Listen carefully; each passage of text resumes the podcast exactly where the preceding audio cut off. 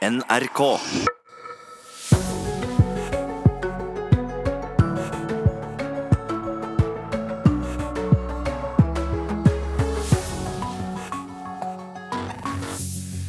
Tirsdag 18.9 er allerede i full gang, og vi i NRK Nyheter har eh, vært på jobb et par timer, vi, og pakket sammen følgende sending til deg i dag. Pasienter som krever erstatning for feilbehandling, risikerer å dø mens de står i kø fordi det tar for lang tid å få svar. USA varslet i natt at de vil innføre ny omfattende Kina-toll. Gjelder vare for 200 milliarder dollar i første omgang. Og kommersielle aktører har i altfor stor grad fått legge premissene for hvordan russefeiringen skal være, mener eh, elevene. We've got one more award to go. The Emmy for Outstanding Drama Series goes to.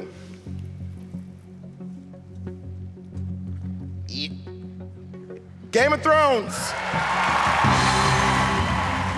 Ja, for eh, under Emmy-utdelingen i natt var det igjen tid for en tidligere vinner tilbake på tronen, og det var også en norsk eh, skuespiller med på å vinne denne prisen. Lurer på hvem det var. Vi får, sikkert, ja, vi får sikkert svar etter hvert. Eh, Silje Katrine Bjarkøy og Birger Kolsrud Aasund gir deg Nyhetsmorgen i dag. Først altså til denne eh, saken om at pasienter som krever erstatning for feilbehandling, risikerer å dø i kø fordi det tar så lang tid å få svar. Det var en av eh, de tingene Vidar Berg-Hansen fra Bergen fryktet. Han brukte over to år av livet i køen hos Norsk pasientskadeerstatning.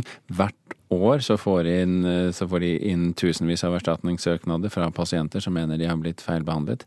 Og NRK møtte Berg-Hansen fire uker før han døde. Jeg fikk jo multiorgansvikt med lever, nyre, lunger, hjerte. Alt sluttet jo å fungere. Dette er Vidar, fire uker før hans egen gravferd. Da møtte NRK 55-åringen hjemme i huset på Hatlestad. Han skulle fortelle hvordan livet i pasienterstatningskø var. For Vidar var nær ved å dø allerede for fire år siden. Så det var nære på. Veldig nære på. Utover stovebordet hadde han lagt sakspapir, utskrifter av e-poster og bilder fra 2014, året som snudde livet hans på hovedet. Det var vår i lufta, og kameratgjengen var på sykkeltur. En motbakke ble så mye tyngre enn vanlig. Hjertet slo ikke som det skulle. Ikke lenge etter ble han utgredd og hjerteoperert på Haukeland sykehus. Operasjonen går ikke som den skal, og jeg blir alvorlig syk og får enorme komplikasjoner etter den operasjonen. Eh, Tilbringer totalt 255 døgn på sykehus, hvorav en måned var i koma. NRK har vært i kontakt med Haukeland sykehus. I en uttale kommer det fram at sykehuset mener Berg-Hansen ble behandla i tråd med god medisinsk praksis. Det Føles som en sånn håpløs kamp David mot Goliat. Sommeren 2016 tok Berg-Hansen for første gang kontakt med Norsk pasientskadeerstatning, forkorta NPE. Ja, etter 19 måneder der fikk jeg svar. Og avslag da etter 19 måneder. I mellomtiden har det vært enormt mye korrespondanser imellom det. Vidar var ikke enig i konklusjonen, og klaga straks på avslaget. Sju måneder senere ligger klagen fremdeles til behandling hjå samme etat. Det er veldig mange som står i kø, og veldig mange av de tør ikke ta til motmæle. Veldig mange av de bare finner seg i det som de kommer med fra NPE, og sier ja og ha. Mange bukker under og dør i køen. Vidar ble altså en av de. I dag er det enka Gild som har tatt over kampen for erstatning. Det er jo en ekstra belastning. Og at de skal bruke så himla lang tid på det istedenfor å gi oss et svar, det er det er slitsomt å gå og vente. Det er eh, selvfølgelig en belastning å stå og vente på å få et eh, svar ifra oss. Det, det skjønner jeg veldig godt. Og det, det er derfor vi også veldig sterkt ønsker å få ned denne tiden som eh, vi bruker på å behandle sakene. Anne Mette Gulaker er avdelingsdirektør for saksbehandling i Norsk pasientskadeerstatning. Hvert år behandler de mellom 6 og 7000 erstatningssaker. I snitt tar det drøyt ni måneder å få greie på om man har rett på erstatning eller ikke. Og det betyr jo at det er et stort antall som både får avklaring langt raskere, og det er en del som dessverre det tar langt lengre tid å få, få avklaring av spørsmålet. Og vi har dessverre saker som går opp imot og kanskje runder to år før vi får eh, gitt et svar på om de har rett på erstatning eller ikke. Det er ikke bare første klagebehandling som tar tid. Også ankebehandling og et eventuelt forsøk på å få saka for retten gjør at en slik prosess kan ta mange, mange år. Hele den prosessen der handler om syke mennesker som er blitt enda sykere enn det de i utgangspunktet var, fordi at de ble feilbehandlet. Og så skal de slåss mot et så tungrodd som sliter de enda mer ut. Det syns det er uverdig. Det sa til eh, slutt eh, Jill, eh, eller Gill Berge Hansen. Til USA nå, der Senatets justiskomité har bestemt seg for å gjennomføre en høring under ed med Christine Blakey Ford og Brett Kavanaugh. President Donald Trump har altså nominert Kavanaugh til å fylle det ledige dommersetet i Høyesterett. USA-korrespondent Anders Magnus orienterer om saken, som går langt tilbake i tid. Det som skjer er jo at det har jo dukket opp i eh, siste time, så å si, en beskyldning om at Kavanaugh skal ha angrepet eh, denne kvinnen eh, mens hun var 15 år gammel. Så dette er jo veldig lenge siden, 35 år siden. Og, det har nå utsatt avstemningen om hans kandidatur i Senatet den skulle egentlig blitt holdt på torsdag. Nå eh, blir det altså en åpen høring i Senatet under ed, hvor disse to eh, skal forklare seg. Eh, hun sier han angrep henne, og hun sier også at hun var redd for sitt eget liv. Han sier at ingenting av det hun forklarer er sant. Så de står mot hverandre, og det er jo selvfølgelig Eh, ingen eh, måte å verifisere verken det ene eller det andre på, men eh, det, nå blir det jo opp til hvem man tror på, hvilken troverdighet det er. Men det er jo også en del, spesielt på demokratisk side, som sier at nå må Senatet ta seg tid til å drive etterforskning i denne saken, også etter at denne høringen har skjedd på mandag. Eh, dette er jo en, eh, en, en høyesterettsutnevnelse, men som mye annet i USA, så er jo den også politisk. Eh, er dette en, en Hva skal vi si Kom denne saken veldig heldig inn for demokratene?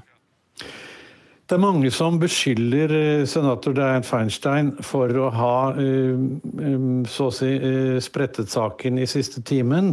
Men hun har ikke hatt så store muligheter til å gjøre det på en annen måte, fordi denne kvinnen ønsket egentlig ikke å gå offentlig ut. Hun var redd for hva det kunne få, hvilke problemer hun kunne få i sitt privatliv, og det har hun allerede begynt å erfare. Men så skjedde det at dette brevet som som denne kvinnen sendte til eh, senator Dianne Feinstein fra California, det ble lekket. Eh, og dermed så eh, valgte senatoren dermed å gå offentlig ut om det. Og så, etter det, så sa kvinnen at hun ville stå åpen frem, og at hun også var villig til å uh, vitne i en offentlig høring i Senatet. Dette er jo en av to Eh, store snakkiser i eh, USA, orkanen Florence den andre selvsagt. Hvorfor får denne saken så stor oppmerksomhet i amerikanske medier? For det første så det jo, eh, vil det jo være et stort prestisjenederlag både for Trump og republikanerne dersom Kavanaugh ikke skulle bli godkjent av Senatet. De kan selvfølgelig håpe på en annen eh, konservativ dommer som Trump kan eh, peke ut. Eh, spørsmålet er jo om de rekker å få gjennomført en høring og godkjenning før mellomvalget i november. Men den andre og kanskje viktigste årsaken til at dette er, vekker så stor oppmerksomhet, er jo at hvis Kavanaugh kommer i Høyesterett, så kan det føre til at flere delstater i USA eh, trekker tilbake retten til selvbestemt abort, som nå er eh, en føderal rett, men som eh, man kan, eller noen frykter, at kan komme til å bli inndratt i enkelte stater hvor det er konservativt flertall, og også flertall mot selvbestemt abort. Det var Anders Magnus som rapporterte fra USA i dag. Og så skal vi se litt på det som skjedde mens Norge lå og sov.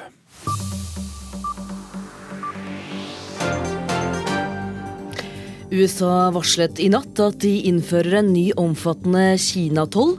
Det nye leddet i handelskrigen mot Kina vil bli 10% tollsatser på import av kinesiske varer, og det er til en verdi av 200 milliarder dollar fra og med neste uke.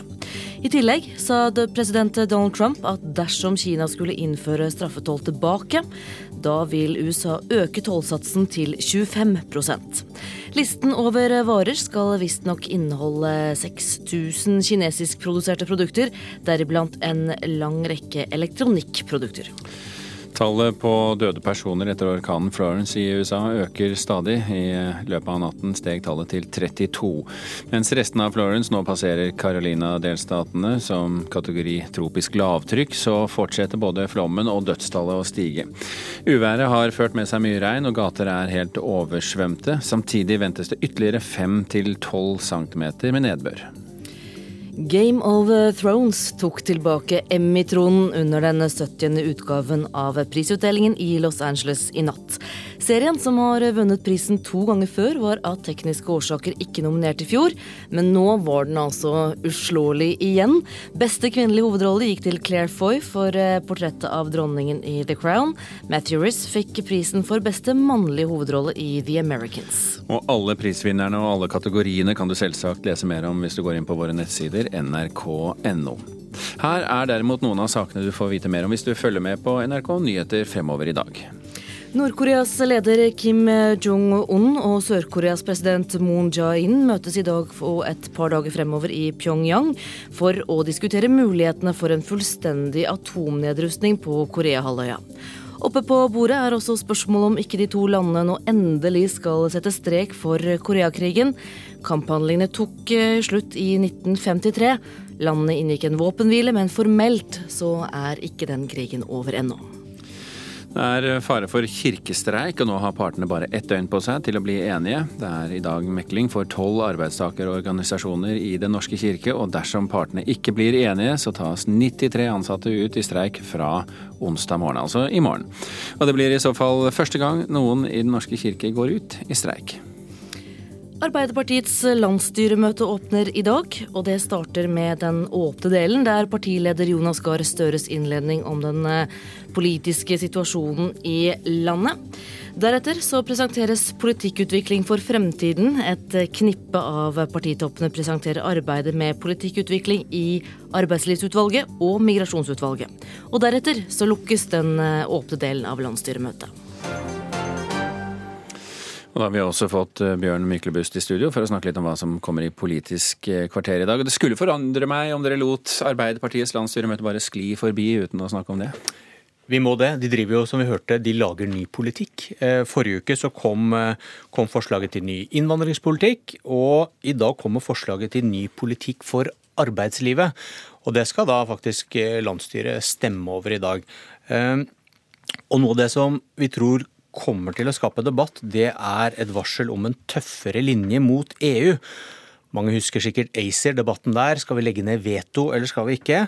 Ehm, Arbeiderpartiet har vært veldig forsiktig med å si at Norge bør nekte å legge ned veto mot ny politikk eh, fra EU. Men nå foreslår altså dette arbeidslivsutvalget en kursendring hvis EU kommer med politikk som undergraver et trygt arbeidsliv, slik Arbeiderpartiet da definerer det.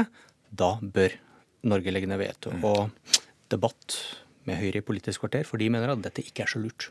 Ja, Forunderlig, men dog. Ok, Bjørn Myklebust, Politisk kvarter om knappe timen her i eh, Nyhetsmorgen.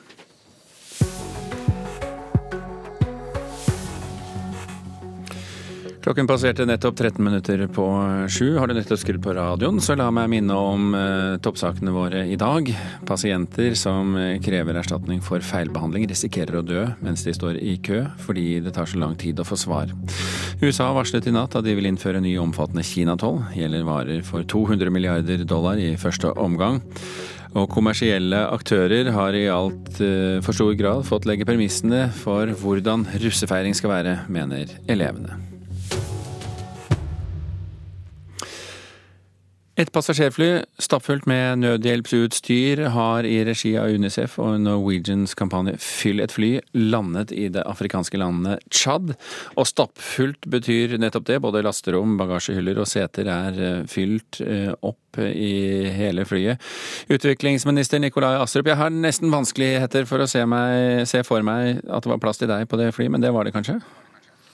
Ja, Det var så vidt det var. Det var, det var definitivt stappfullt. Eh, men så var det også en viktig flyvning. Dette er jo en region og et land med enorme humanitære behov.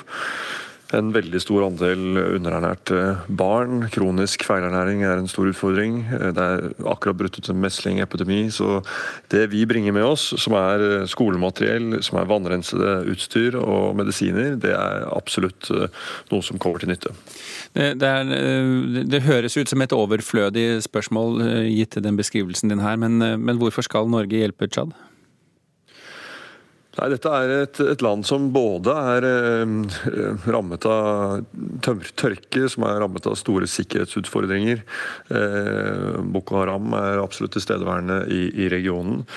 Eh, og som har store fattigdomsutfordringer. Dette er jo et av verdens aller fattigste land. Jeg tror de ligger på 186. plass av 188 på Human Development Index, så det sier noe om, om utfordringene de står overfor.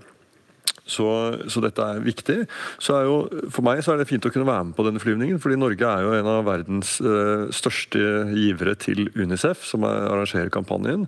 Uh, og det er fint å kunne se hvordan de da også jobber i, jobber i felt.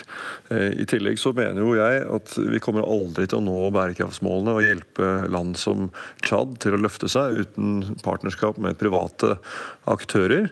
og Unicef og Norwegian har gjort dette i flere år. Ehm, så dette er en, også en fin måte å få satt søkelys på en, en region med store humanitære utfordringer. Og Da er det jo lett å komme inn på det som eh, har vært eh, Høyres tilnærmingsmåte i, eh, i, alle år. At man skal sette landet i stand til å ta vare på seg selv. At det er en viktig del av utviklingsarbeidet. Nå er vel Tsjad et stykke unna å kunne helt ta vare på seg selv for tiden. Men hva kan Norge bidra med for å få det til? Det er helt avgjørende at eh, vi setter landet i stand til å hjelpe seg selv. Eh, og det er klart Nødhjelp er bare én del av løsningen. Det er også viktig med det langsiktige utviklingsarbeidet. Eh, og vi er jo til stede i regionen gjennom flere internasjonale organisasjoner for å bidra til det. Um, og Noe av det viktige er jo at landet selv evner å prioritere sine ressurser rett. At de får til nasjonal ressursmobilisering uh, og prioriterer skole uh, og robuste helsesystemer f.eks. For eksempel, fordi det er grunnlaget for langsiktig vekst og utvikling. Og En av de tingene Norge prioriterer i vår utviklingspolitikk nå, det er å være med å utvikle skattesystemer som gjør at de kan øke sine skatteinntekter. Og OECD de anslår at én krone brukt på skatterelatert bistand kan gi 100 kroner i økte skatteinntekter eh, for de landene som, som, vi, som vi, hjelper. Og, det, og Da snakker vi effektiv bistand, men vi snakker også om at landet da får ressurser til disposisjon eh, som gjør det mulig for dem å bygge landet sitt selv. Og Det er jo det som må være målet med bistanden, at eh, land skal kunne stå på egne ben. Hvordan er det å være minister i Tsjad i et sånt følge som du er med i nå? Får, får du tid til å gå rundt og snakke med folk, og i så fall hvilket sjikt av folk får du snakke med? I dag er jeg forberedt på veldig sterke inntrykk. for I dag skal vi bl.a. besøke en, et sykehus for underernærte barn. Ehm, jeg kan ikke tenke meg noe som, eh, som, vil gjøre mer inntrykk enn det. Eh, vi skal også besøke en skole og en flyktningleir. Dette er jo også et land som tar imot veldig mange flyktninger fra eh, nabolandene. Dette landet grenser jo også til Sudan, f.eks. Så de har over 6, rundt 600 000 flyktninger i, i dette landet. Så vi får absolutt møte direkte noen av de utfordringene som landet står overfor i dag. Og Det betyr også at du får snakket med folk som er rammet, og ikke bare eh, politikere og den slags? Jeg får snakke med både dem som er rammet, og politikerne, antar jeg at han skulle si der. Men det er ikke lett å vite helt 100% sikkert, fordi at denne linjen brøt jo fullstendig sammen, som du nå eh, kunne høre. Så da eh, takker vi så mye til utviklingsminister Nikolai Astrup og ønsker han lykke til med sitt prosjekt i Tsjad.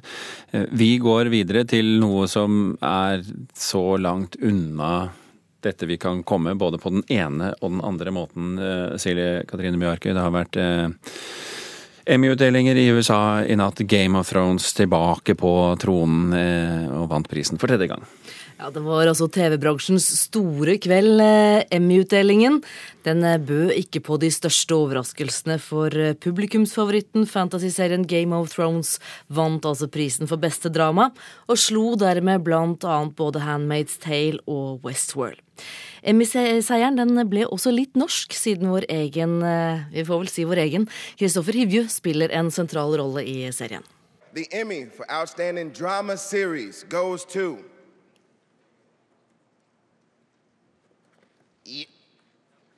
Game of Thrones! I natt gikk Emmy-utdelingen av stabelen. Dette er den gjeveste prisutdelingen for den amerikanske TV-bransjen.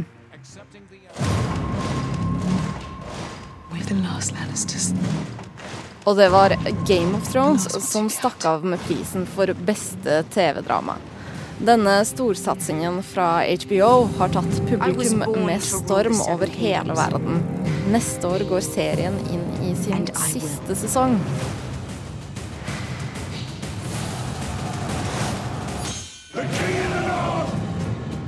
Father and brothers are gone, yet here you stand. Last best hope against the coming storm. Marvelous Mrs. Maisel, en serie om en ung kvinnelig standup-komiker på 50-tallet, vant prisen for beste komiserie. That's her name. Penny Pan. I'm sorry, but look at me. Who wouldn't want to come home to this every night? This restlessness of yours, it has to be a thing of the past. The monarchy's too fragile. You keep telling me yourself.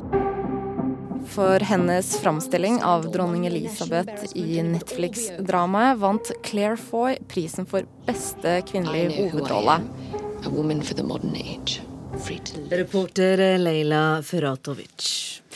Og fra TV-pris og utdelinger så skal vi til musikk, for eh, når Universitetet i Agder arrangerer Forskningsdagene, er nemlig en todagers musikkfestival en del av programmet. Og på scenen i kveld, der spiller blant andre Rolf Christensen med band.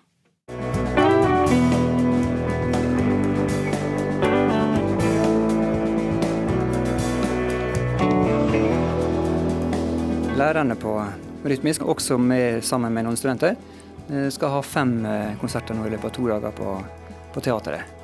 Og det er da eh, som en del av forskningsdagene på, på universitetet. Rolf Christensen er gitarist. Han spiller i bl.a. Secret Garden og underviser ved rytmisk linje ved Universitetet i Agder. Det å spille under forskningsdagene er viktig, sier gitaristen. Det er for å synliggjøre at, at vår type forskning det er det som kalles kunstnerisk utviklingsarbeid, eller Eh, og da er det å lage eh, plater og eh, forske nye uttrykk og, og holde på med, med sånn type arbeid. Du, hva slags bakgrunn har de forskjellige som underviser på universitetsnivå? Alle har jo en musikerbakgrunn. De har musikkutdannelse, og så har de en musikerbakgrunn. Og de alle er også aktive og, og spiller med ulike band og artister utenom jobben. Men på de konsertene her så blir det jo Eh, de prosjektene som man, som man driver sjøl, der man har lagd musikken sjøl, ja, som er nærmest eh, en selv, da. De studentene som etter hvert går eh, ut fra universitetet rytmisk linje, hva, hva har de med seg sånn i kofferten når de skal stå på egne ben som musikere? De har jo forhåpentligvis med seg gode verktøy til å kunne takle et musikerliv. Altså det, det, er jo et stort miljø her som, eh, der det skjer mye kreativt, og, så de blir jo dratt opp av, av, hverandre. Ja, Vi ser jo at de lykkes, og vi ser de ofte igjen på TV-produksjoner og plateutgivelser og med kjente artister. Så det er tydelig at det, at det det fungerer godt, ser det ut som. Det var nytt og uberørt.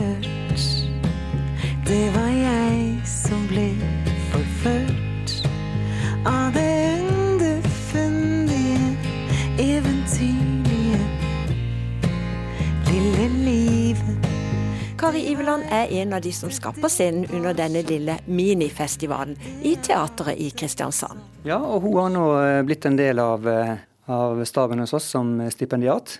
Så hun skal gjøre en av de tre konsertene den 19. med en trio. I tillegg til eh, Kari Iveland så er det også Bernt Moen solo. Og det er en trio som heter SA, som er Fredrik Salander sin trio.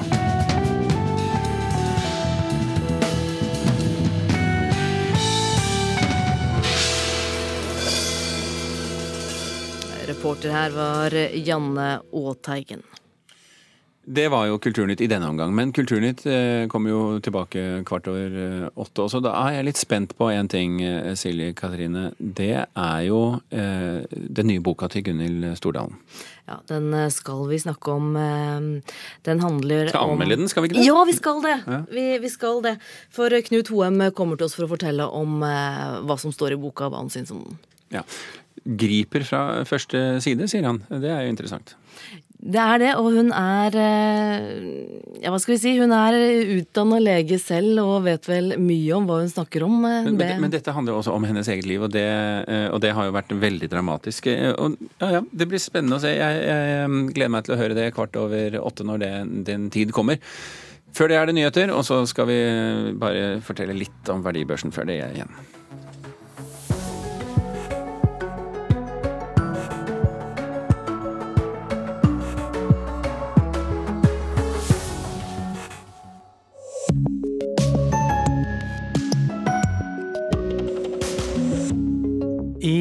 USA står ikke lenger ytringsfrihet på toppen av alles liste over borgerrettigheter. There's no such thing as free speech. It doesn't improve our freedom. It destroys our secular democracy. Står ytringsfriheten i fare, alle rettigheters mor, den fremste av alle borgerrettighetene? Eller er det demokratiet som er truet etter misbruk av ytringsfriheten? Verdibørsen klokken 13 på NRK P2. Pasienter som er feilbehandlet, risikerer å dø i erstatningskø. Norsk passasjerfly stappfullt av nødhjelpsutstyr har landet i Tsjad. Her er NRK Dagsnytt klokka sju. Pasienter som krever erstatning for feilbehandling, risikerer å dø mens de står i kø fordi det tar så lang tid. Det fryktet nå avdøde Vidar Berg-Hansen fra Bergen, som sto 19 måneder i kø før han fikk avslag på søknaden sin. Ifølge Norsk pasientskadeerstatning tar en slik prosess i snitt ni måneder. Jeg føler det at um de som sitter og behandler dette, ikke tar pasienten alvorlig. Det er veldig mange som står i kø, og veldig mange av de tør ikke ta til motmæle. Veldig mange av de bare finner seg i det som de kommer med fra NPE, og sier ja og ha. Eh, mange bukker under og dør i køen. Vidar ble altså en av de. I dag er det enka Gild som har tatt over kampen for erstatning. Det er slitsomt å gå og vente. Altså, du har jo lyst til å du får avklaring på ting, du har lyst til å pakke ting vekk, bli ferdig med det. Norsk pasientskadeerstatning svarer at noen saker tar lengre tid enn andre, og at de jobber med å få ned behandlingstiden. Haukeland sykehus mener Vidar ble behandlet i tråd med god medisinsk praksis. Reporter her, Elise Farestveit. Det russiske forsvarsdepartementet har mistet kontakt med et kampfly over Middelhavet. Ifølge CNN er flyet skutt ned av det syriske regimet ved et uhell, da syrerne i går ble angrepet av israelske raketter. Ifølge en amerikansk kilde skal syrerne ha prøvd å stoppe rakettene da de kom i skade for å skyte ned det russiske kampflyet, som hadde 14 russiske soldater om bord. Et passasjerfly stappfullt med nødhjelpsutstyr har i regi av Unicef og Norwegians kampanje Fyll et fly landet i det afrikanske landet Tsjad. Både lasterom, bagasjehyller og setene i flyet har vært fylt opp. Utviklingsminister Nikolai Astrup forklarer hvorfor det er så viktig med nødhjelp til Tsjad. Dette er jo en region og et land med enorme humanitære behov. En veldig stor andel underernærte barn. Kronisk feilernæring er en stor utfordring. Det er akkurat brutt ut en meslingepidemi. Så det vi bringer med oss, som er skolemateriell, som er vannrensede utstyr og medisiner, det er absolutt noe som kommer til nytte. Den største prisutdelingen for TV-serier, Emmy Awards, har gått av stabelen i natt. Komiserien The Marvelous Mrs. Maisel ble tildelt hele fem priser. Denne serien handler om en husmor på 1950-tallet som bestemmer seg for å bli standup-komiker. Serien fikk imidlertid ikke prisen for beste dramaserie. Den gikk til Game of Thrones. NRK Dagsnytt, Anders Borgen Werring.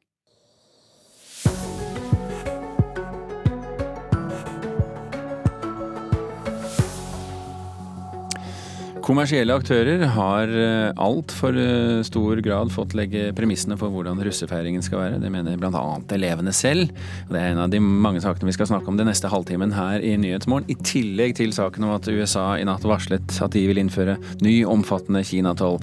Vi skal straks til vår korrespondent for å få siste nytt om handelskrigen. Og så møtes Nord- og Sør-Koreas to ledere i dag. Hva som kommer ut av det, det skal vi spekulere litt i også. For ikke å snakke om at verdens første romturist nå er trukket ut. Vi får uh, straks ja, i hvert fall, Nei, ikke straks, men i løpet av en halvtime så får vi besøk av uh, vår utenriksmedarbeider Halvard Sandberg. Utenriks i denne sammenheng. månen, altså. Er et litt utvidet begrep. Men vi gjør vårt beste. Kommersielle aktører har i altfor stor grad fått legge premissene for hvordan russefeiringen skal være. Det mener både Elevorganisasjonen og Utdanningsforbundet. Sammen går de nå ut med en felles oppfordring til skoler, foresatte og elever om en sunn russekultur. Elever i første klasse ved Kongshav videregående skole i Oslo begynte planleggingen av russetiden alt på ungdomsskolen. Det startet litt i tiende klasse. Så da starter man jo å planlegge litt hvor man skal starte, så man kan komme på samme buss som venner og diskutere litt forskjellige ting der. Det er jo i tiende det skjer, men når du kommer på en videregående der hvor det finnes andreklassinger og tredjeklassinger, så er det ofte mye snakk om det. David Elias og Sara Victoria er allerede godt i gang med planlegging av feiring av 13 års skolegang, om vel to år frem i tid.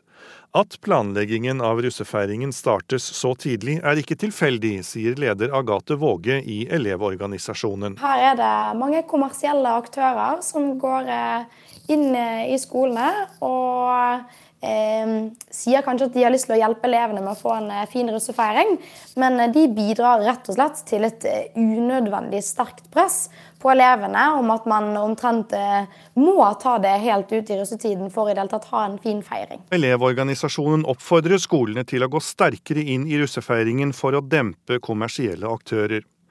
Det er ikke lov til å drive reklame eller kommersiell virksomhet rettet mot elever inne på skolens område, men det hindrer ikke kommersielle aktører. Det som er verdt å merke seg, er at Mesteparten av denne påvirkningen foregår ikke fysisk på skolene. Dette foregår gjennom sosiale medier, på egne nettsider. Det sier Tormod Korpås, sentralstyremedlem i Utdanningsforbundet. Ifølge Elevorganisasjonen er eldre medelever russeambassadører som reklamerer for lukkede grupper på sosiale medier og rabatter på russeklær og effekter om eleven binder seg til å bli med på å delta i dugnad og salg. Rektor Knut Jørgen Kopperud ved Kongshavn er ikke blid på den slags, og sier skolen slår hardt ned på det. Vi har myndighet til å kunne håndheve ting innenfor skolens grenser, men ikke lenger. Og finner vi ting som er hengt opp eller lignende, så tar vi det bort og tar det ned. Det er en viktig side å være litt kjipe fra vår side, nettopp for å prøve å begrense dette. Tormod Korpås i Utdanningsforbundet mener foreldre og foresatte må involvere seg sterkere i ungdommens russefeiring, for mesteparten av feiringen foregår utenfor skolen. Det vi ønsker å oppnå ved å sette søkelyset på dette her, det er at flere skoler, flere elever, flere foresatte begynner å reflektere over hva slags uh, russefeiring, hva slags russetid er det vi ønsker å ha på vår skole og i vårt samfunn. Joakim er elev i første klasse på Kongshavn, og han er litt mer avventende til russetiden. Jeg har jo ikke tenkt så veldig mye på det. Jeg har jo snakka med vennene mine om uh, de jeg vil være med på buss med og sånn. Vi har ikke tenkt så mye på det ennå. Alicia vet hvordan hun skal feire, og mener hun skal ha en sunn russekultur. Jeg synes at du bare må feire at du er ferdig med 13 år på skole, og bare kose deg med vennene dine og ikke, ikke dra det for langt. Reportere her det var Kristine Nessel Larsen og Tor Albert Frøsland. Tor Wallin Andreassen, professor i markedsføring og innovasjon ved Norges handelshøyskole, velkommen til Nyhetsmorgen. Takk skal du ha. Hva syns du om reklame rettet mot russ og kommende russ? Um, man kan ikke si at man kan si skal forby det, eller slike ting, men jeg er jo, jeg er jo skeptisk må bruke det ordet der. Altså, dette, er, dette, er, jo en gruppe som vi, jeg tror mange vil oppleve de som sårbare, altså i den forstand at de er under utvikling. De er under et voldsomt gruppepress. De er under et veldig forventningspress også, og kanskje har de også da sterke ønsker og håp om å ha den beste russetiden noensinne. Så, det, er, det er forhold ved dette markedet som gjør at vi bør tenke oss om altså hvordan vi påvirker det, eller hvordan vi ønsker å beskytte de for disse voldsomt sterke kommersielle kreftene som, som ligger rundt de, og som har ett et formål, det er å tjene penger så fort som mulig og på enklest mulig måte. og eh, vi kan ikke forvente at disse aktørene vil ta noe sosialt ansvar altså for dette. Derfor tror jeg at vi som samfunn eller som voksne må gå inn og gjøre grep som gjør at disse kan få den, den russetiden som de er på jakt etter, eller som vi da ønsker at de også skal ha. Men, men, hvis dette skal endres, eh, som du indikerer her, hvor tror du endringene må komme fra? Jeg, jeg hører på innlegget og, og, og, som har tenkt litt og, og hører på debatten også, at det er sånn, et forventning om at det skal komme fra bunnen og opp. altså da Fra elevene skal endre holdning eller syn eller atferd, eller foreldrene skal hjelpe til. altså da. Jeg tror det er for mye å forvente. Jeg tror at vi må se det fra, mer fra toppen og ned. altså Si at samfunnet kollektivt, altså gjennom skoler eller lover og regler, må gjøre grep som gjør det liksom da inn i de formene som vi selv ønsker. Da. Så, da. Så jeg, jeg, jeg, tror vi forventer for mye av foreldrene og elevene, at de skal ta ansvar. At jeg tror at rektorene som vi hørte her, gjør grep ved å fjerne oppslag. De innfører en holdning. Vi vil ikke ha noen russebusser inn på området. Vi, vi, vi har et syn på dette som gjør at vi vil ønske å fremme en annen type atferd eller andre ting i denne perioden. Det, det, tror vi må innse. altså De kommer fra toppen og ned, ikke fra bunnen og opp. Nei, for Du har jo også brukt begrepet eh, om russen at det er et marked uten hukommelse. Kan du forklare det litt? Ja, det er egentlig et veldig godt uttrykk. Si om, om, du skal si det selv, ja. ja, ikke sant. Du, ja, med dette så mener jeg at de fleste av oss er jo i et marked. altså det Vi kjøper sko, vi kjøper mat. ikke sant, og Det er en form for ting vi gjør over tid. altså Vi kjøper igjen, igjen og igjen. Og vi lærer i prosessen om at det er et godt produkt, det er en god leverandør, og, eller det var en dårlig, og så velger vi det vekk. Og så lager vi da en, en kurv av eh, produkter og leverandører som vi da trives med. Her er det faktisk eh, eh et marked. altså Det er 45 000 avgangselever i Norge hvert år. Som kommer liksom bare så generasjon på generasjon inn i dette markedet. Og ingen av de har sånn ambisjon om å komme tilbake inn til dette markedet. Så Alt det de da tar med seg inn av ønsker og lyster, med påvirkning fra disse aktørene, påvirkning av disse eh, kollegene sine, medelevene, som da påvirker de også gjennom sosiale medier, så kjøper de da eh, de produktene som de ønsker å, eh, å ha. Og om det er høy kvalitet eller om det er lav kvalitet, om leverandøren er god eller dårlig, det tar de med seg i graven når de forlater dette markedet og går da over i neste fase av livet. Så det er det jeg mener med at Dette er et marked som er helt unikt, sånn sett, for det er ingen læring mellom generasjonene. Og det er ingen hukommelse i markedet.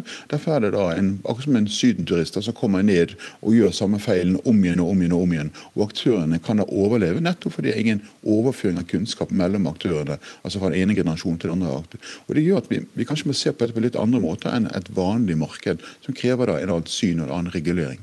Og her må myndighetene på banen, eller holder det med rektorene? Ja, jeg tror det er summen av masse faktorer. Så at, eh, igjen, jeg, tror, jeg, tror, vi må hjelpe foreldrene og elevene til å komme over i et spor som vi ønsker. Og Jeg har dristet meg på kanskje litt sånn eh, storslått å si at vi har en lov om markedsføring, altså mot barn, som riktignok strekker seg fra da opp til 18 år og nedover. Men tolkningen er jo slik at jo eldre barna blir opp mot 18 år, jo mer liberale blir vi i, det, i synet på markedsføring og påvirkning. Men dette er jo da ungdommer som er i 16-17-årsalderen. Kan vi endre lovgivningstolkningen, slik at vi da får å beskytte disse 16-17-åringene som i hovedsak skal bli russ, eh, at vi da regulerer enda strammere påvirkningen mot disse eh, ungdommene gjennom f.eks. markedsføringsloven eller andre ting? Det får være en eh, brannfakkel du kaster ut i, i, slutten av dette intervjuet. Eh, tusen hjertelig eh, takk, Tor Wallin Andreassen, for at du var med oss, professor i markedsføring, altså.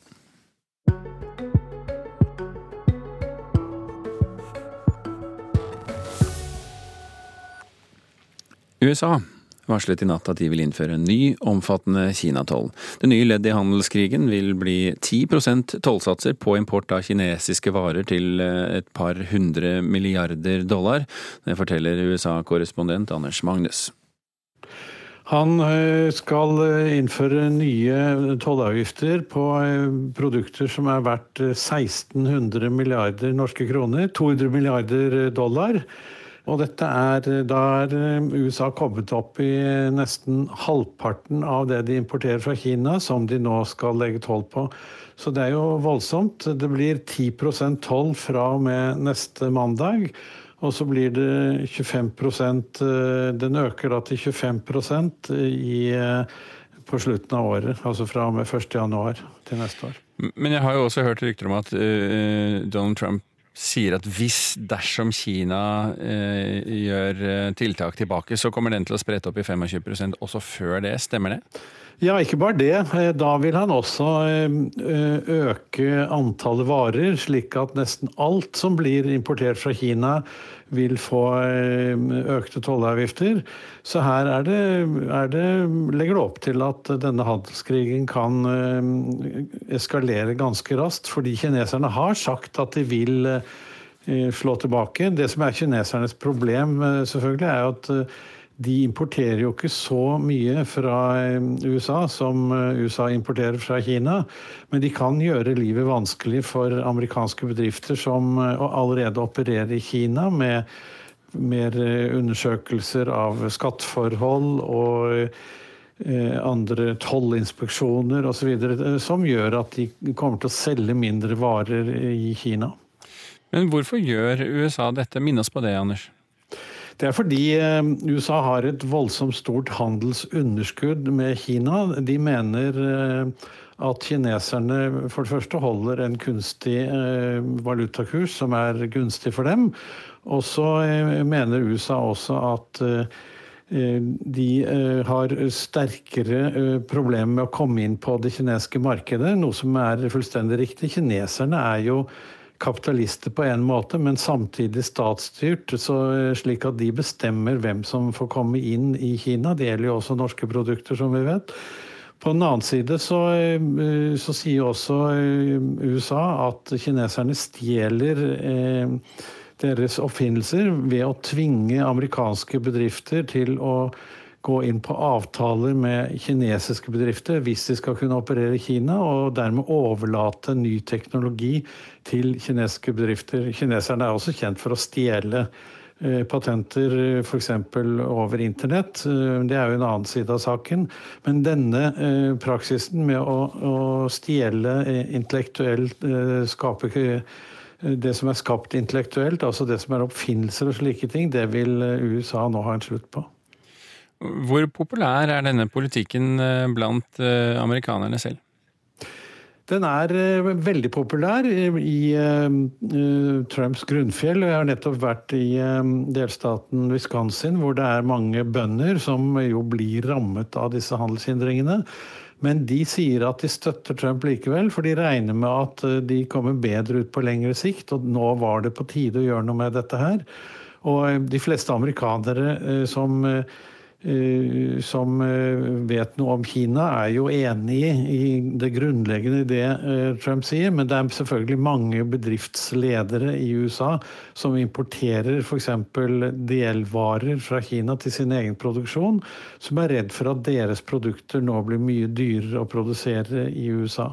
Det som er Trumps mål, er jo at disse underleveransene skal produseres i USA og ikke lenger i Kina. thank you Klokken er 16,5 minutter over sju. Du hører på Nyhetsmorgen, og i tillegg til saken om handelskrigen, så er vi opptatt av følgende saker i dag. Pasienter som krever erstatning for feilbehandling, risikerer å dø mens de står i kø, fordi det tar så lang tid å få svar. Kommersielle aktører har i altfor stor grad fått legge premissene for hvordan russefeiringen skal være, mener elevene og andre organisasjoner. Her kreves lovendring, mener markedsføringsprofessor ved NHH. Og følg med videre. Vi skal straks til toppmøte mellom lederen av Nord-Korea og presidenten av Sør-Korea. Men eh, først så skal vi snakke om at eh, alle de fire involverte i voldshendelsen i Trondheim i går, som kostet to mennesker livet, var enslige mindreårige som kom til Norge som asylsøkere. Flere videregående skoler i byen eh, kan være berørt, sier kommunaldirektør for oppvekst og utdanning, Camilla Trur Nereid. Tidligere så fikk jo disse her ungdommene opplæringstilbudet sitt i Trondheim kommune sine lokaler, men for å bidra til bedre inkludering, så har de også nå mye undervisning i ordinære videregående skoler. Flere ulike videregående skoler i byen. Like før klokka 18 fikk politiet melding om hendelsen, og tok seg senere inn i ei leilighet i Prinsens gate i sentrum av Trondheim. Der fant de to alvorlig skadde unge menn, fortalte leder av politiets etterforskningsenhet, Anders Sunde Eidem, i går kveld. Den ene personen ble erklært død veldig raskt, og den andre ble kjørt til sykehuset, hvor vi umiddelbart etterpå fikk melding om at også han var død. Den antatte gjerningsmannen ble skutt i beina av politiet og pågrepet på sentralstasjonen i Trondheim i går kveld. Han er nå sikta for drap. Politiet har foreløpig sagt lite om hva som kan ha vært bakgrunnen for hendelsen i går. Det gjør heller ikke kommunaldirektør Camilla Trud Nereid. Men vi vet at eh, en av de som er skadd i ulykken her, hadde kontakt med en av sine oppfølgingsansvarlige her i kommunen bare 30 minutter før det skjedde. Og da var alt i orden. Han var ved godt mot, godt humør og ga ikke uttrykk for at han følte seg trua eller var redd eller engstelig på noe som helst slags måte. Trondheim kommune har oppretta et pårørendesenter for de rundt 200 enslige mindreårige i byen. Hvor vi også vil ha psykologer og andre fagpersoner til stede som kan trøste og snakke og forklare og ta imot de reaksjonene de måtte ha på det grusomme som har skjedd her. Reporter her, det var Kjartan Røslett. Presidenten i Sør-Korea har reist nordover i natt for å møte Nord-Koreas leder Kim Jong-un. Det er tredje gangen i år de to møtes, men møtet blir kalt det vanskeligste eh, de to imellom til nå. Altså korrespondent eh, Kjersti Strømmen, eh, hvorfor kalles dette det vanskeligste møtet? Ja, eh, De møtene som de har hatt før, i alle fall det aller eh, første, var jo et veldig symbolsk møte. Fordi at eh, man da Det var første gang på lenge at en leder for Nord-Korea og Sør-Korea møttes, og at dette ble sett på som et steg på veien til fred og forsoning. Men siden den gang så har jo det skjedd flere ting. Det har vært toppmøte mellom USA og Nord-Korea, men der fikk man ikke veldig konkrete forslag på hvordan det skulle løses verken fra den ene eller den andre siden, bortsett fra at USA da krever full atomnedrustning fra Nord-Korea.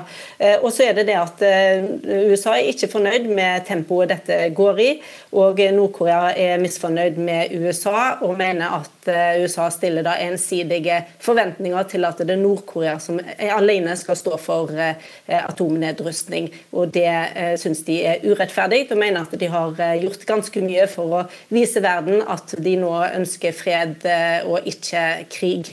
Men det å løse opp i denne floken nå, er jo den største utfordringen så langt for eh, Moon Jae-in, som jo har vært eh, den som har virka som har initiert mye av denne prosessen i utgangspunktet. Men han ble da i hvert fall tatt imot med litt pomp og prakt, om ikke annet? Ja, der var det omfavnelser, rød løper og skolebarn som eh, hilste både han og kona når de da ankom eh, Pyongyang. Eh, det var også et stort blomsterhav. og Det som egentlig var litt interessant òg, var disse vaiende flaggene. Nordkoreanske flagg og gjenforeningsflagget. Dette hvite flagget med kart, et blått kart over Korea uten noen grenser.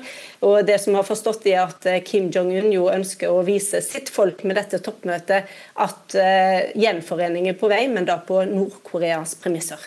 Men, eh, men, du var så vidt innom det, eh, Kjersti. Stridsspørsmålene de sliter mest med, hva er egentlig de? Ja, Det er jo hva som skal skje først. For Washington krever at Nord-Korea skal Eh, skal vise at de mener alvor med atomnedrustning. og det, Da vil de ha fysiske bevis på at Nord-Korea faktisk har rusta ned. Mens Nord-Korea mener at man må begynne med gjensidig tillit og en fredsavtale. USA vil ikke gå med på noen fredsavtale før de har sett fysiske bevis, og Nord-Korea vil ikke eh, ruste ned forstår vi, før eh, de har en fredsavtale. Så det er helt motsatte ønsker av hvordan denne prosessen skal skje. og Her står jo da Moon Jae-in midt imellom og skal prøve å få disse to partene til å bli enige om en prosess. Dette er det de kaller en klassisk catch 22-situasjon. Men, men, hva kommer til å skje under besøket rent sånn formelt, Kjersti? De skal ha møter et par timer i dag, og så skal de da sannsynligvis ha middag eh, og den slags eh, sammen. Og så blir det da et eller annet de skal eh, fortelle verden i morgen, en felles kunngjøring om hva de er kommet fram til. Men nå har jo da stabssjefen til Moon Jae-in prøvd også å senke forhåpningene om at han skal oppnå noe med Nord-Korea når det gjelder atomnedrustning.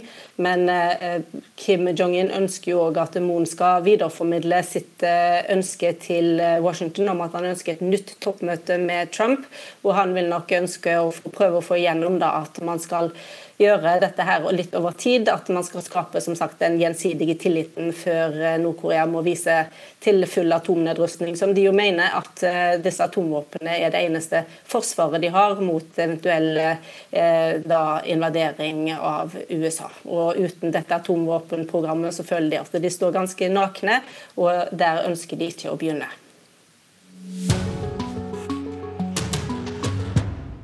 Reporter Halvard Sandberg, jeg spøkte litt i stad med at du er utenriksreporter, eh, og her med utvidet mandat, må vi kunne si.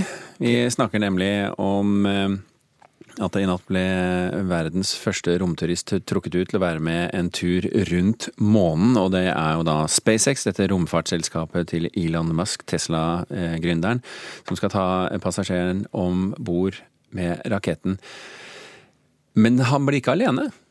Han blir ikke alene, for dette er et ganske så unikt prosjekt. Det er noe som astronauter som har vært eh, på månen, har bedt om. At dette må vi faktisk gjøre. Det er eneste måten å formidle den opplevelsen, og det er å ta med kunstnere. Og seks til åtte kunstnere skal da være med som gratispassasjerer for denne meget rike japaneren som eh, helst vil gå under navnet MC.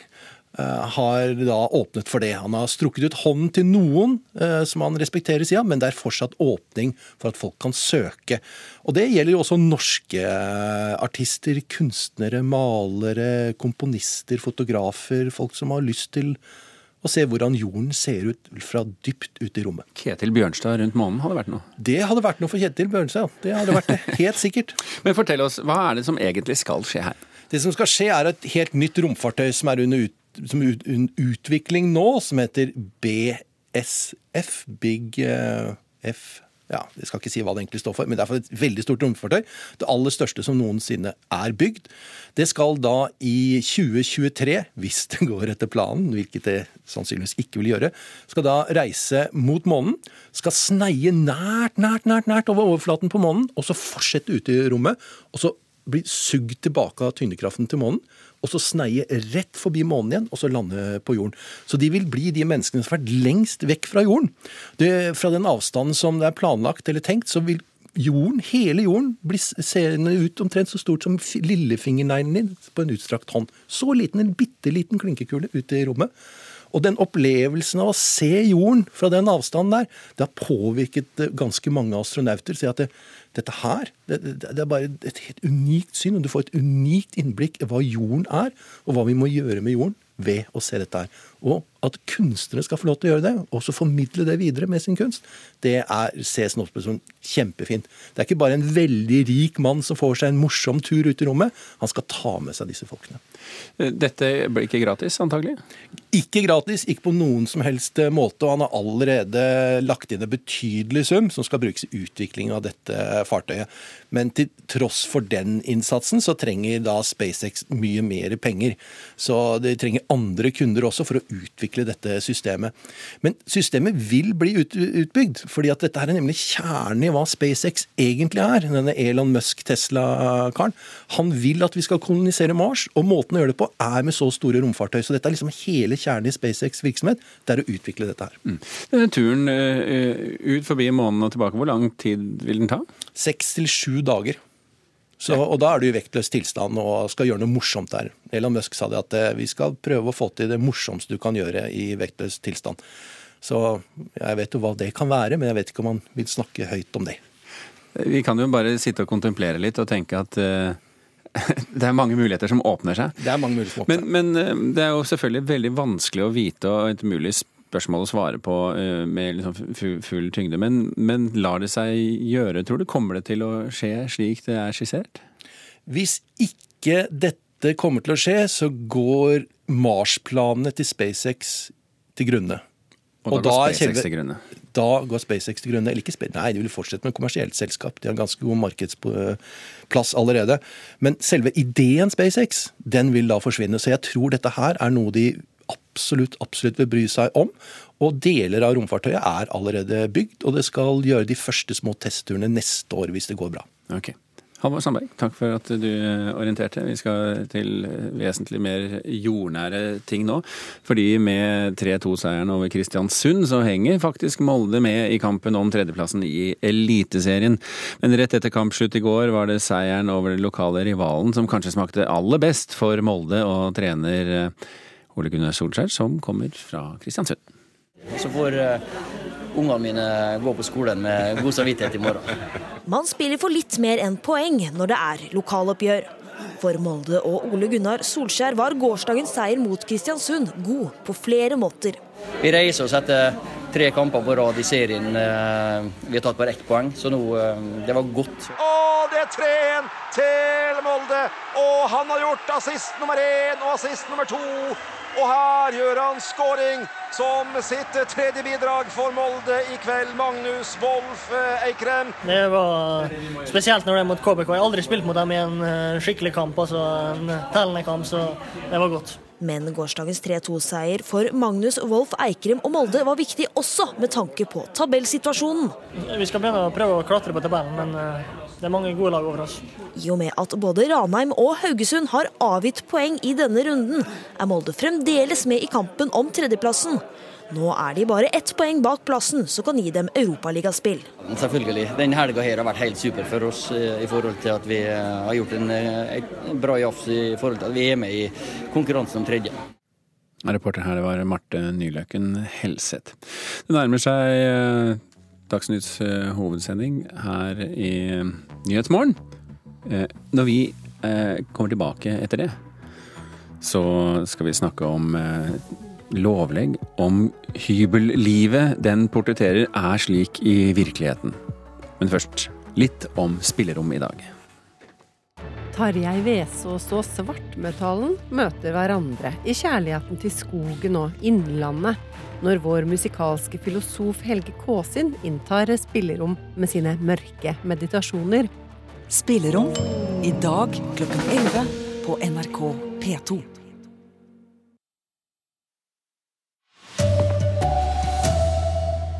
Pasienter som er feilbehandlet, risikerer å dø i erstatningskø. Russefeiringen starter altfor tidlig og er for omfattende, mener elevene selv, og vil ha holdningsendring. Game of Thrones er tilbake på Emmy-tronen, kåret til beste dramaserie i natt. Her er NRK Dagsnytt, klokka er 7.30. Pasienter som krever erstatning for feilbehandling, risikerer å dø mens de står i kø, fordi det tar så lang tid å få svar. Det fryktet Vidar Berg-Hansen fra Bergen, som brukte over to år av livet i køen hos Norsk pasientskadeerstatning. Hvert år får Norsk pasientskadeerstatning inn tusenvis av erstatningssøknader fra pasienter som mener de er blitt feilbehandlet. NRK møtte Berg-Hansen fire uker før han døde. Jeg føler det at um de som sitter og behandler dette, ikke tar pasienten alvorlig. Det er veldig mange som står i kø, og veldig mange av de tør ikke ta til motmæle. Veldig mange av de bare finner seg i det som de kommer med fra NPE, og sier ja og ha. Eh, mange bukker under og dør i køen. Vi er samlet for å ta avskjed med Vidar. Vidar ble altså en av dem. Det tok 19 måneder før han fikk avslag på søknaden sin om erstatning. Han klaga inn avgjørelsen, men ankesaka fikk han aldri svar på. I dag, sju måneder senere, ligger den fremdeles til behandling hjå Norsk pasientskadeerstatning. Nå er det enka Gild som har tatt over kampen for erstatning. Det er jo en ekstra belastning. Og at de skal bruke så himla lang tid på det istedenfor å gi oss et svar, det er det er slitsomt å gå og vente. Altså, du har jo lyst til å få avklaring på ting. Du har lyst til å pakke ting vekk, bli ferdig med det. Det er eh, selvfølgelig en belastning å stå og vente på å få et eh, svar ifra oss. Anne Mette Gulaker er avdelingsdirektør i Norsk pasientskadeerstatning. Det er derfor vi også veldig sterkt ønsker å få ned denne tiden som eh, vi bruker på å behandle sakene. I snitt tar det drøyt ni måneder å få greie på om man har rett på erstatning eller ikke. Og det betyr jo at det er et stort antall som både får avklaring langt raskere, og det er en del som dessverre det tar eh, langt lengre tid. Jeg sitter nå alene med minimalt med inntekter. Om jeg har rett og slett råd til å å fortsette den kampen, det vet jeg ikke. Om vi klarer det. Sa til slutt uh, Gild Berg-Hansen. NRK har vært i kontakt med Haukeland sykehus, der Berg-Hansen hevdet han ble feilbehandlet. Sykehuset mener pasienten ble behandlet i tråd med god medisinsk praksis. Reporter her, Elise Fares Tveit. Alle de fire involverte i voldshendelsen i Trondheim i går, som kostet to mennesker livet, var enslige mindreårige asylsøkere. En forferdelig tragedie, sier kommunaldirektør for oppvekst og utdanning, Camilla Trud Nereid. Det her er jo en av de mest sårbare gruppene vi har ansvaret for, enslige mindreårige asylsøkere. Eh, det er jo en, en gruppe av ungdommene våre som har en bagasje i sekken som det er umulig å forestille seg for eh, oss som har vokst opp i trygge Norge. Like før klokka 18 fikk politiet melding om hendelsen, og tok seg senere inn i ei leilighet i Prinsens gate i sentrum av Trondheim. Der fant de to alvorlig skadde unge menn, fortalte leder av politiets etterforskningsenhet, Anders Sunde Eidem, i går kveld. Den ene personen ble erklært død veldig raskt, og den andre ble kjørt til sykehuset, hvor vi umiddelbart etterpå fikk melding om at også han var død. Den antatte gjerningsmannen ble skutt i beina av politiet og pågrepet på sentralstasjonen i Trondheim i går kveld. Han er nå sikta for drap. Politiet har foreløpig sagt lite om hva som kan ha vært bakgrunnen for hendelsen i går. Det gjør heller ikke kommunaldirektør Camilla Trud Nereid. Eh, bare en halvtime før så hadde eh, noen av de ansatte i kommunen som har ansvaret for dem, vært hjemme på, på bolig, og da virka alt eh, helt greit. Trondheim kommune har oppretta et pårørendesenter for de rundt 200 enslige mindreårige i byen. Hvor vi også vil ha psykologer og andre fagpersoner til stede som kan trøste og snakke og forklare og ta imot de reaksjonene de måtte ha på det grusomme som har skjedd her. Reportere Kjartan Røslett og Kirsti Kringstad.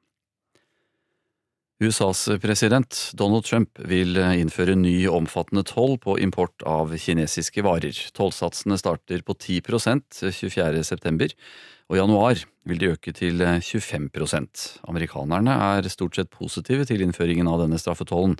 Det sier USA-korrespondent Anders Magnus. De fleste amerikanere eh, som eh, Eh, som eh, vet noe om Kina, er jo enig i det grunnleggende i det eh, Trump sier, men det er selvfølgelig mange bedriftsledere i USA som importerer f.eks. delvarer fra Kina til sin egen produksjon, som er redd for at deres produkter nå blir mye dyrere å produsere i USA. Det som er Trumps mål, er jo at disse underleveransene skal produseres i USA og ikke lenger i Kina. Det russiske forsvarsdepartementet har mistet kontakt med et kampfly over Middelhavet. Ifølge CNN er flyet skutt ned av det syriske regimet ved et uhell, da syrerne i går ble angrepet av israelske raketter. Ifølge en amerikansk kilde skal syrerne ha prøvd å stoppe rakettene da de kom i skade for å skyte ned det russiske kampflyet, som hadde 14 russiske soldater om bord. Sør-Koreas eh, president Moon Jae-in er nå i den eh, nordkoreanske hovedstaden Pyongyang for å ha møter med Kim Jong-un. Moon er dermed den første sørkoreanske lederen som besøker Nord-Koreas eh, hovedstad på elleve år, og det er tredje gang disse to møtes i år. Kommersielle aktører har i altfor stor grad fått legge premisser for hvordan russefeiringen skal være. Det mener Elevorganisasjonen og Utdanningsforbundet, som nå går ut med en felles oppfordring til skoler, foresatte og elever om en eh, helt annen russekultur. Det forteller leder i Elevorganisasjonen Agathe Våge. Det startet litt i tiende klasse. Så da starter man jo å planlegge litt hvor man skal starte, sånn at man kan komme på samme buss som venner og diskutere litt forskjellige ting der. Det er jo i tiende det skjer, men når du kommer på en videregående der hvor det finnes andreklassinger og tredjeklassinger, så er det ofte mye snakk om det. David Elias og Sara Victoria er allerede godt i gang med planlegging av feiring av 13 års skolegang, om vel to år frem i tid. At planleggingen av russefeiringen startes så tidlig er ikke tilfeldig, sier leder Agathe Våge i Elevorganisasjonen. Her er det mange kommersielle aktører som går eh, inn eh, i skolene og eh, sier kanskje at de har lyst til å hjelpe elevene med å få en eh, fin russefeiring, men de bidrar rett og slett til et unødvendig sterkt press. Elevorganisasjonen oppfordrer skolene til å gå sterkere inn i russefeiringen for å dempe kommersielle aktører. Det er ikke lov til å drive reklame eller kommersiell virksomhet rettet mot elever inne på skolens område, men det hindrer ikke kommersielle aktører. Det som er verdt å merke seg, er at Mesteparten av denne påvirkningen foregår ikke fysisk på skolene. Eh, dette foregår gjennom sosiale medier, på egne nettsider. Det sier Tormod Korpås, sentralstyremedlem i Utdanningsforbundet.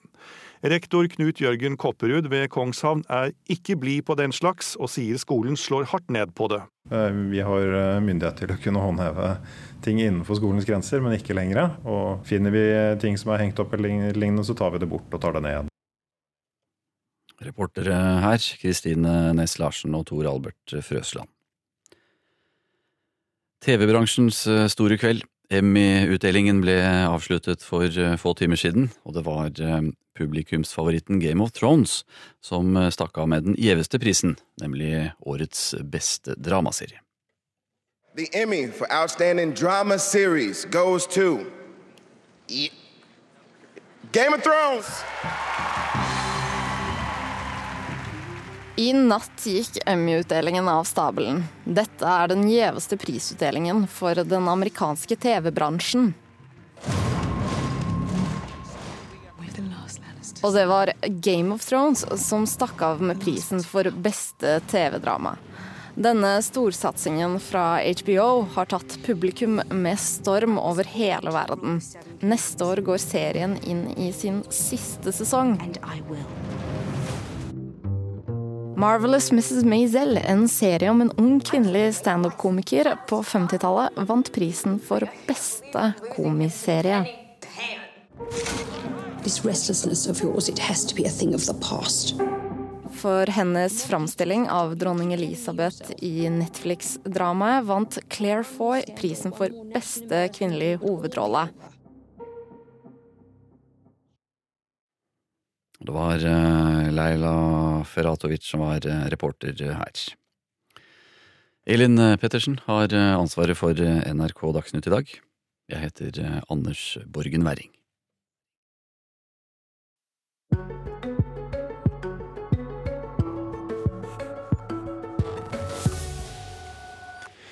Ungdomsserien Lovleg, som går her på NRK, byr på ensomhet, konflikter, nye vennskap, fester, rykter og angst.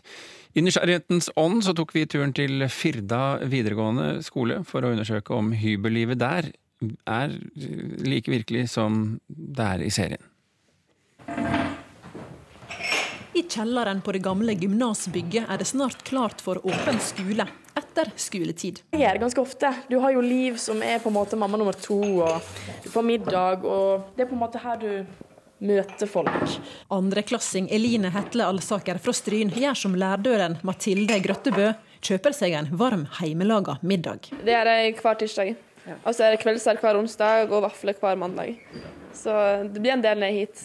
Skolen deres, Firda videregående, er i høst hovedscene for serien Lovleg, av mange sett på som oppfølgeren til den banebrytende serien Skam. Hybelburene vi møter, følger med på Lovleg, Gunhild og de andre i serien.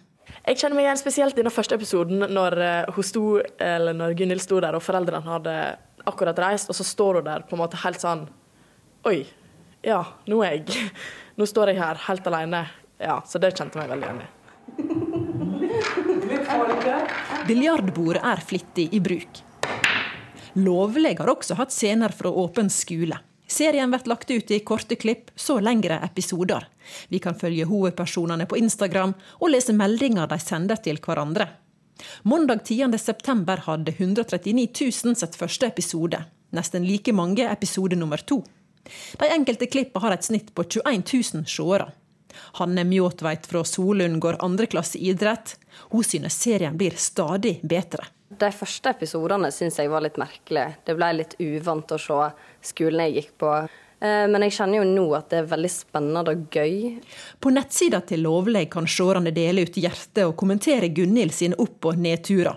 Klippet der Gunhild har det som kan se ut som et angstanfall, har over 2200 i hjertet. 144 har kommentert det Gunhild går igjennom. Marius Arntzen sier episoden var vanskelig å se. At jeg, sy syns det var veldig ubehagelig å sitte og se på det der. For jeg har hatt noen situasjoner nå de første ukene at jeg har følt meg helt håpløst alene innimellom. Så jeg, den, den, kjente jeg en del på meg, og det var litt Det, det var ekkelt, egentlig. Ungdommene blir med ett alvorlige. For det er ikke bare bare dette hybellivet. Men som de sier, det er mange som kan hjelpe. Marius fikk en telefon fra et av søskenbarna sine. Som virkelig hadde lyst til å vite hvordan jeg hadde det på ny skole. Så da snakka jeg med han en del om det. Og han hjalp meg veldig til å komme over den første barrieren med å være alene. At lovleg ikke er noe glansbilde, at karakterene ikke er glansbilder, synes elevene er både veldig bra og viktig.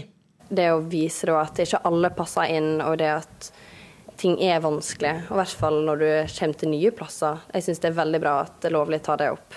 Ja, jeg er helt enig. Er, vi ungdommer trenger å se at det er ikke bare vi som føler det sånn. Sånn som Hanne sa, det er utrolig mange som sliter med angst. Det er blitt et skikkelig problem. Og det å, å, å føle at man ikke finner seg sjøl, rett og slett. Så det er godt å se at en serie gjør noe sånt. I kommentarfeltet til serien kan en lese også dansk og svensk. Seertallene i våre naboland er på vei oppover.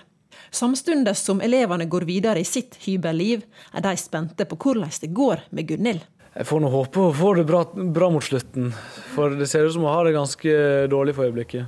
Ja, det hadde vært ganske kult om hun hadde på en måte bare stått opp og vist at å være litt, litt unik, det er helt greit. Reporter her, det var Silje Guddal. Da har klokken blitt nesten et minutt på Politisk kvarter her i Nyhetsmorgen. La meg bare minne om hva som er toppsakene våre i dag.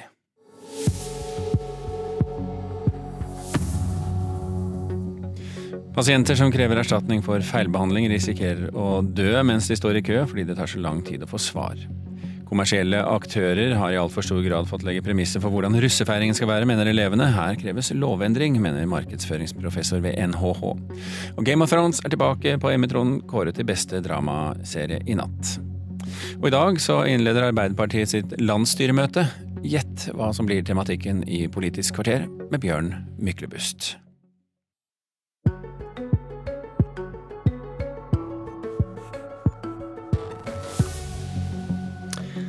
Norge må legge ned veto mot EU-regler som undergraver et trygt arbeidsliv.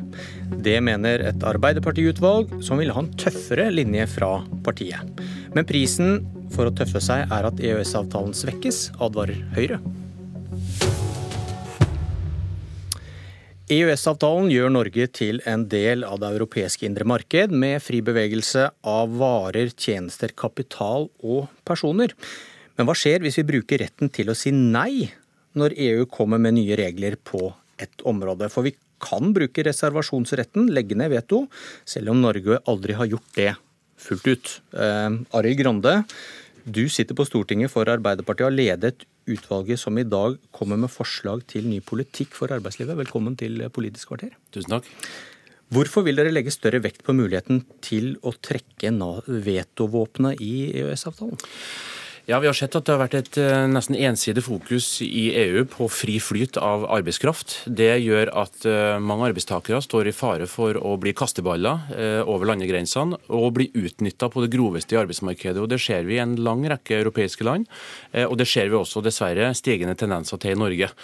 Og Derfor så mener vi at det er på tide at Norge er tydeligere overfor EU på at vi forlanger flere sosiale tiltak sammen med de nordiske landene. Men også at vi er mye mer i forkant av de prosessene som skjer. For ofte så kommer norsk politikk altfor sent på banen. Da må vi ta det som kommer fra EU, eller gå ut av det. Eh, med de konsekvensene det medfører.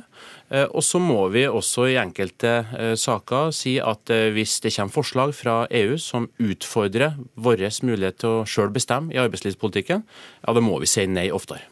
Hvis denne nye linjen hadde vært fulgt tidligere, hva hadde skjedd med ACER, energimarkedspakken fra EU, der Arbeiderpartiet valgte å ikke gå for veto til store protester?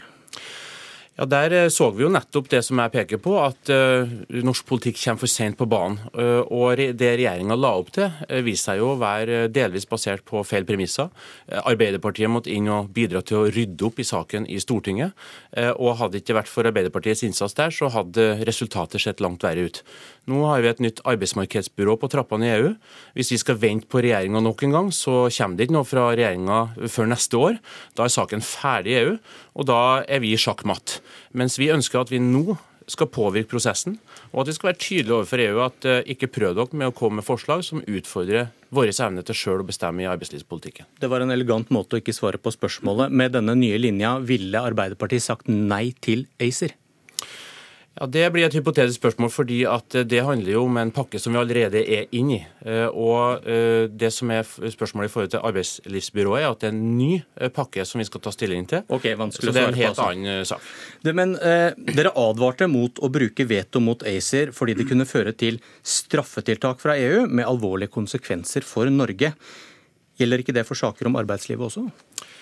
Nei, det gjør det ikke. fordi Det er stor eh, aksept i EU-systemet for at man kan, skal bestemme sjøl innenfor arbeidslivspolitikken. Det er også eh, sånn at trepartssamarbeidet og fagforeningenes eh, rett til å være med på beslutningene er eh, noe som henger høyt i EU-systemet.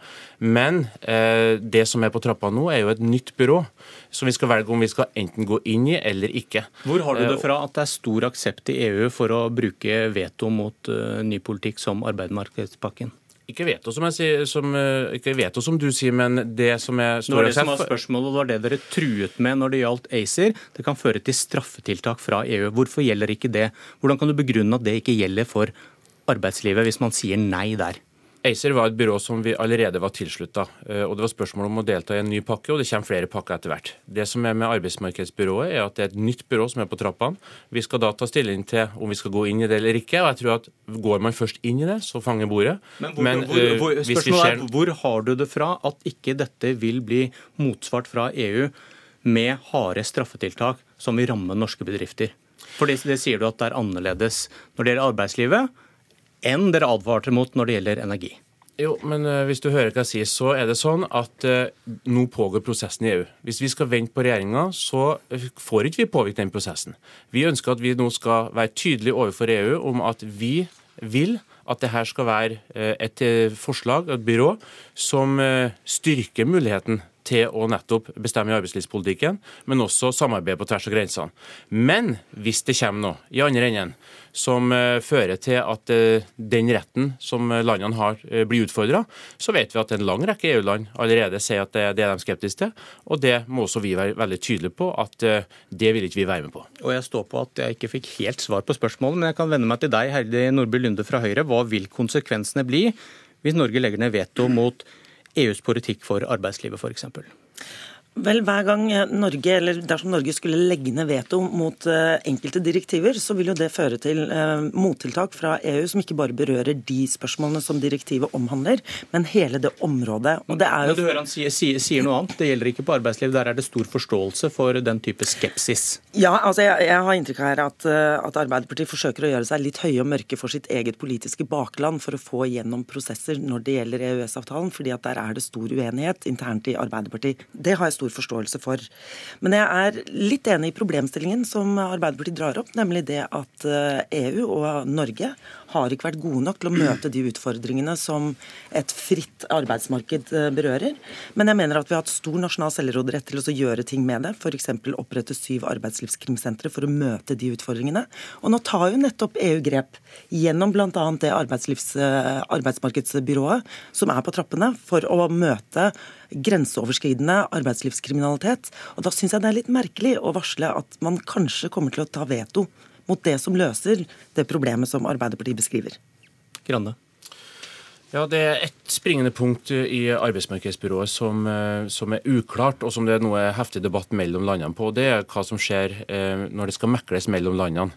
Eh, og Hvis resultatet der blir at det, det, som man mekler fram blir en frivillig løsning, så er vi åpne for å se på det. Men hvis resultatet blir at det blir en, altså et resultat som landene blir tvunget til å følge, da nærmer vi oss et regime som vi ikke vil være med på. Det er nå den saken. Det det som er hovedpoenget vårt, er at Norge og norsk politikk må være langt mer offensiv i prosessen mens det skjer i EU. Der har ikke dagens regjering vært god nok. Der har heller ikke tidligere regjeringer vært god nok. og Derfor så blir debatten ofte enten må vi inn i det her, eller så setter vi hele EØS-avtalen på spill.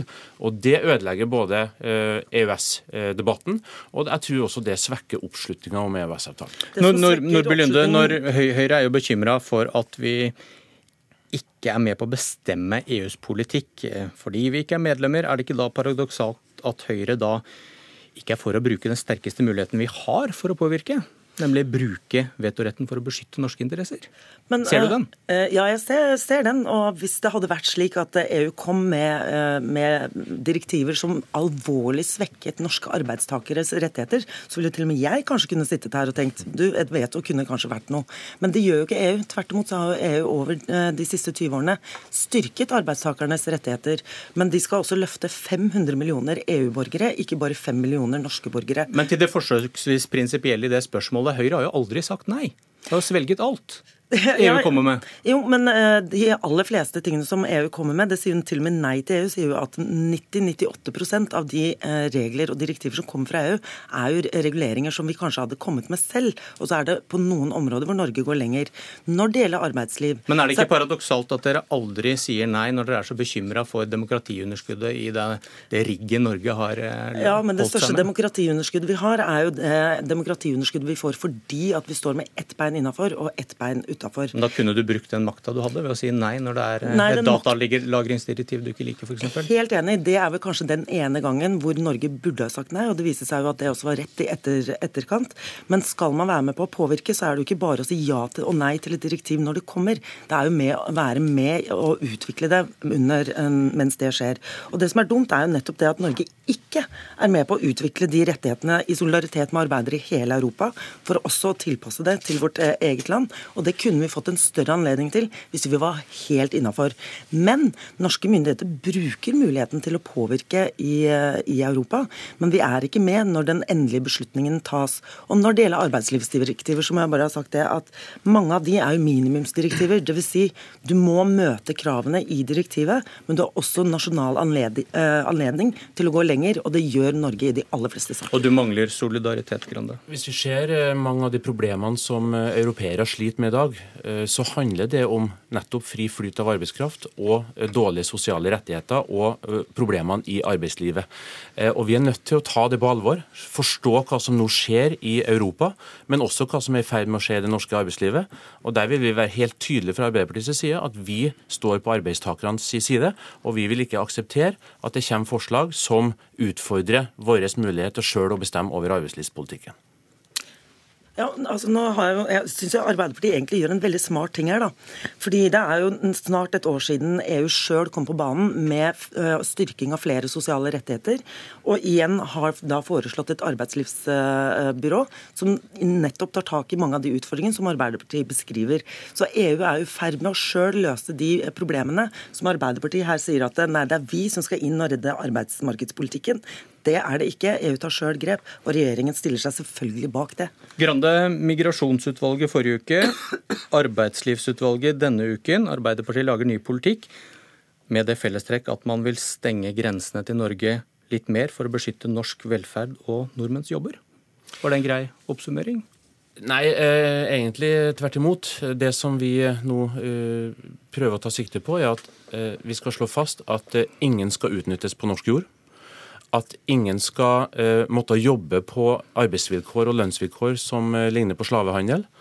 og at vi skal på den måten både verne europeiske arbeidstakere mot utnytting, men også seriøse norske virksomheter og norske arbeidstakere som i dag er redd for å bli utkonkurrert. Men som betyr litt mer stengt Norge? Ja, det må bety at vi på visse områder er strengere, eh, men at vi også sørger for at vi er tydelige på at hvis det nå skjer ting som utfordrer norske arbeidstakere og norske seriøse virksomheter, så skal vi være veldig tydelige på at vi beskytter de seriøse aktørene og vi beskytter det seriøse arbeidslivet. Lykke til, Arild Grande, med å få tommel opp hos Arbeiderpartiets landsstyremøte i dag. Takk, eh, takk også Heidi Nordby Lunde.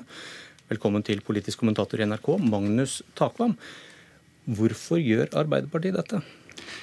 Dette er jo en del av arbeidet etter valgnederlaget med å utvikle ny politikk. Og eh, det er på to interessante områder, altså innvandringsområdet og globalisering. Globalisering i denne sammenheng som EØS-temaet. Og forsøket fra Arbeiderpartiet er jo det som eh, er vanskelig nettopp å utvikle et sosialdemokratisk svar på disse utfordringene som veldig mange andre partier i Europa også har slitt med.